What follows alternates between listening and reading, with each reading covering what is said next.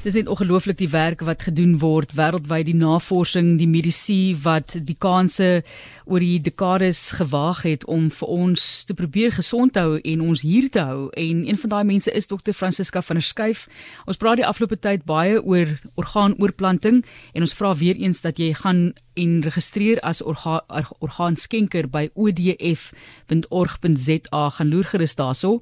Die inligting is vir jou beskikbaar. Jou vrae word ook daar beantwoord, maar dokter van Schuyf is 'n oorplantingschirurg by die oorplantingseenheid by Wits Donald Gordon Mediese Sentrum in Parktown in Johannesburg en sy is van een van enkele persone in Afrika wat dele van lewende skenkers se lewers op kinders oorplant en dit is natuurlik ook orgaanskenk maand en vroue maand so daarbey so ons sê dankie aan hierdie fantastiese vroue dokter spesialist dan nou en ook in orgaanskenkingsmaand. Baie welkom dokter van der Schuyf baie dankie vir die geleentheid. Goeiemôre so die lewer is 'n wonderlike orgaan is dit nie absoluut absoluut in my opinie ehm um, wat natuurlik bietjie ge uh, gekant is aan die lewer se se kant, maar ja, die lewer is ongelooflik. Hy kan teruggroei as jy 'n stuk afsny en dit gee baie mense 'n tweede kans om te leef.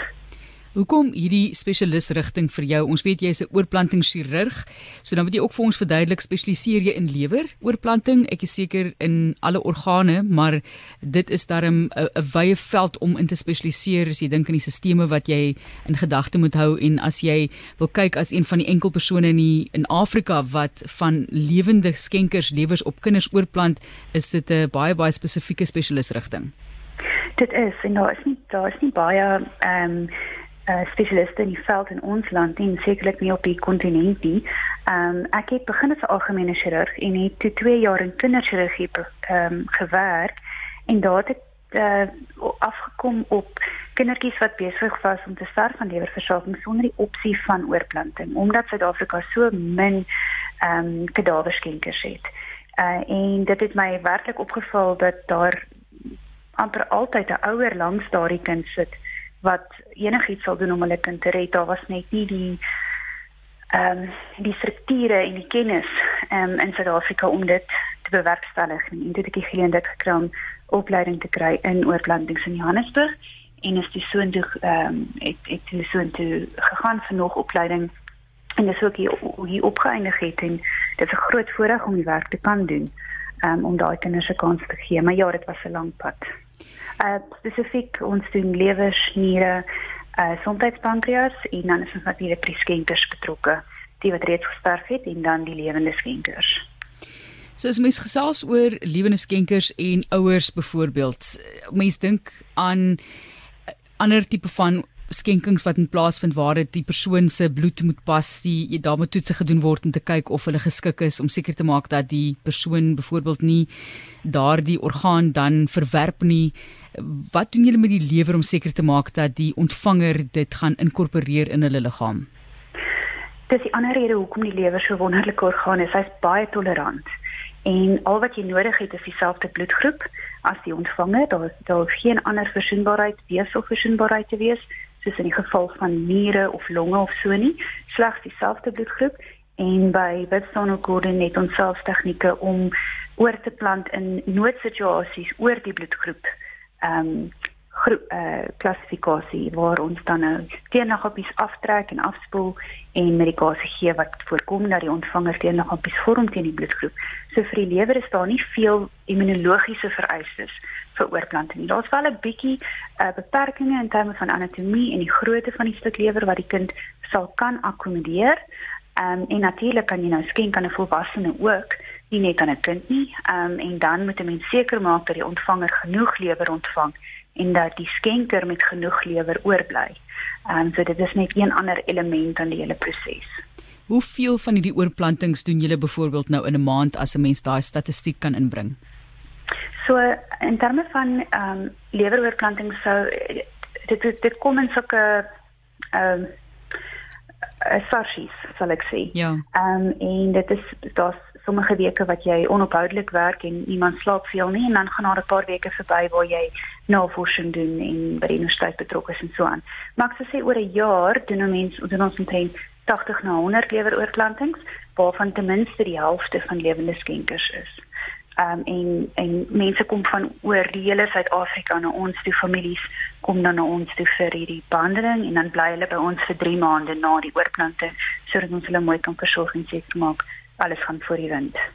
Jy het gepraat van ouers en tog het jy ook gesê mens kyk net na dieselfde bloedgroep. Dit is die wat jy eintlik op die ouend nodig het. Wat is die vir iemand wat nou luister, die implikasies vir 'n skenker van 'n deel van hulle lewer? So hoe groot 'n deel word geskenk en dan hoe lank neem dit vir jou liggaam om weer ten volle te herstel? So basies kan enigiemand 'n stuk lewer skenk. Ehm um, en in ons land, um, as jy verwant is van die skenker, dan is daar geen ekstra toestemming wat nodig is nie. Sou jy onverwant wees, dan moet die minister van gesondheid afteken daarop wat nie 'n baie korter proses is as wat dit klink. Ehm um, dit gebeur gewoonlik binne 'n week of so. Ehm um, en met ander woorde, daar's 'n toestemmingskwessie, dan is daar uh, vir die vir die persoon wat skenk, ehm um, gaan 'n mens dan nou vir deur verskeie toetse net om seker te maak die persoon is in goeie gesondheid en 'n lewe normaal is mens moet jonger as 55 wees en ouer as 18 om 'n stuk lewer te kan skenk en die operasie duur min of meer 4 ure.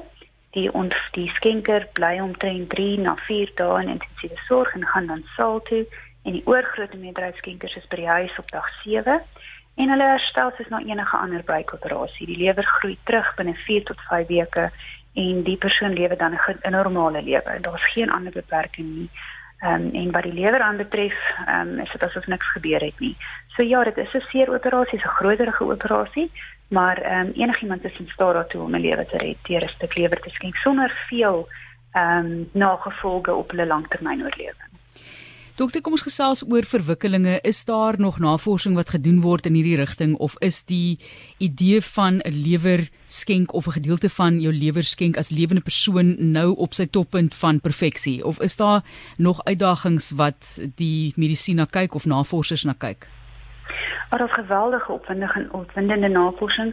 Um, ek dink ons is ons gaan in ons lewenstyd dinge sien wat ons nie kan glo nie.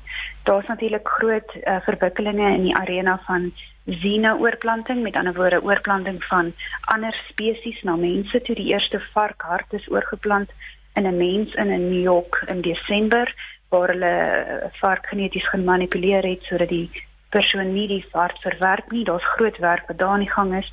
Baie werk wat ehm um, heidaglik gebeur in terme van orgaan uh druk, die drukking van orgaan of printing, as ons so kan sê, driedimensionele printing van organe en ehm um, dan natuurlik die die stemselle wat 'n mens kan gebruik om organe te groei in die laboratorium. So nee, dit is 'n verskriklike dinamiese en opwindende veld om in te wees en ek dink dit gaan nog baie verander en ons toelaat om soveel meer mense te help as wat ons heidaglik kan. Kom ons gesels oor jou en jou lewe. Jy het nou met ons gepraat oor waar uh, jy gespesialiseer het en die opleiding wat jy ontvang het ook, maar hoekom het jy besluit dit is 'n rigting waarin jy graag wil werk? Want ek meen ek wil amper sê dis dis natuurlik dat 'n mens so iets wil doen. Jy red lewens elke dag gaan jy en jy probeer daar waar iemand goedgunstiglik hulle organe bied om verdere lewe te skenk aan ander mense dat jy wil deel wees van daardie proses maar van 'n jonger ouderdom. Hoe lank terug het jy geweet dit is wat jy wil doen? Ehm um, wel ek dink ehm um, ek het ek het geweet ek wil 'n dokter wees van ek voor ek skool toe is. Ehm um, en ehm um, ek toe ek op mediese skool by Universiteit Kaapstad was het ek ehm um, baie dinamiese chirurge ontmoet en dit het so ehm um, die die idee dat 'n mens eh, 'n uh, verskil in 'n baie kort tydperk kan maak ehm um, in vers, in verskeie situasies het was vir my so die ding wat ek wou doen.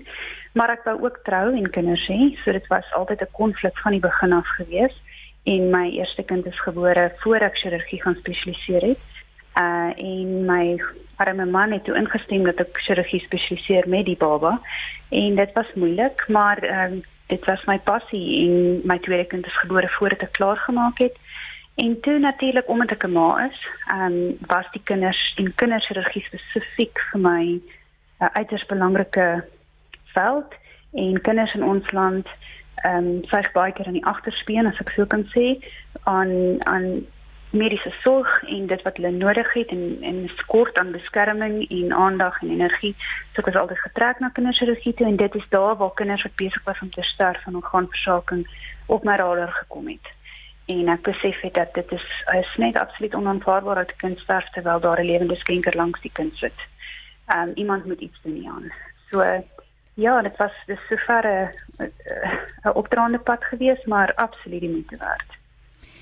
Jy gesels nou met mense wat vra het. Dokter, hulle dink hulle self, hmm. "O, oh, ek weet nie so mooi of ek orgaanskenker wil wees nie." Daar's altyd hierdie stories van die feit dat hulle nie ja. kan regtig veg om jou in die lewe te hou nie, want daar's iemand wat daar wag en klomp mense wat kan baat hmm. vind uit jou liggaam as orgaanskenker.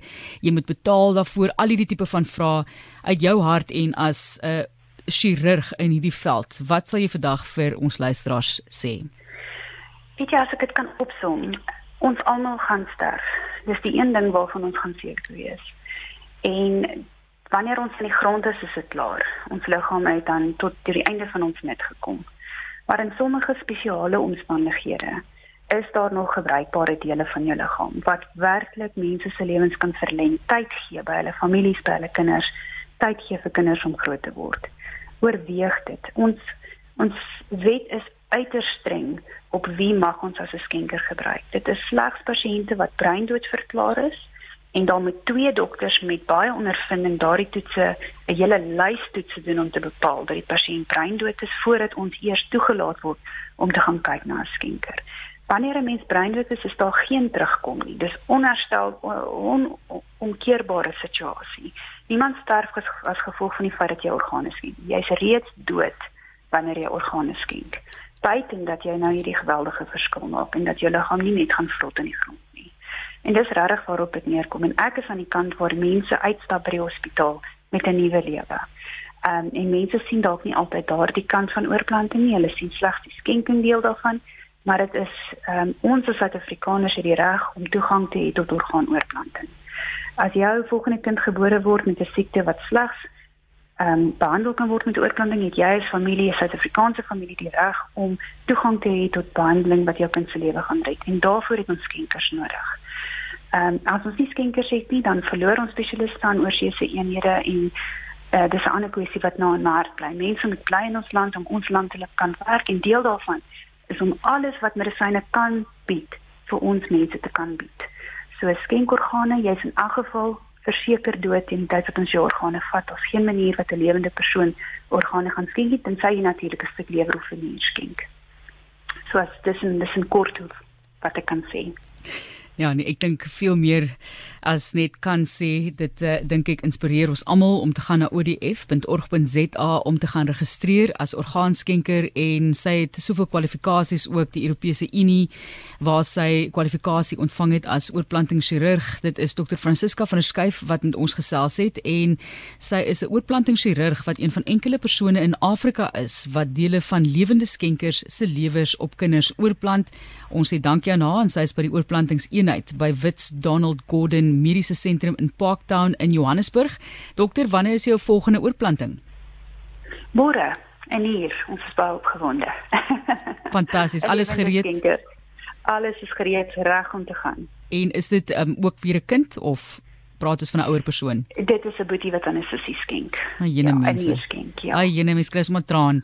Sterkte. Dink aan julle, ons hoop dit verloop vlot. Baie dankie. Ek waardeer die geleentheid.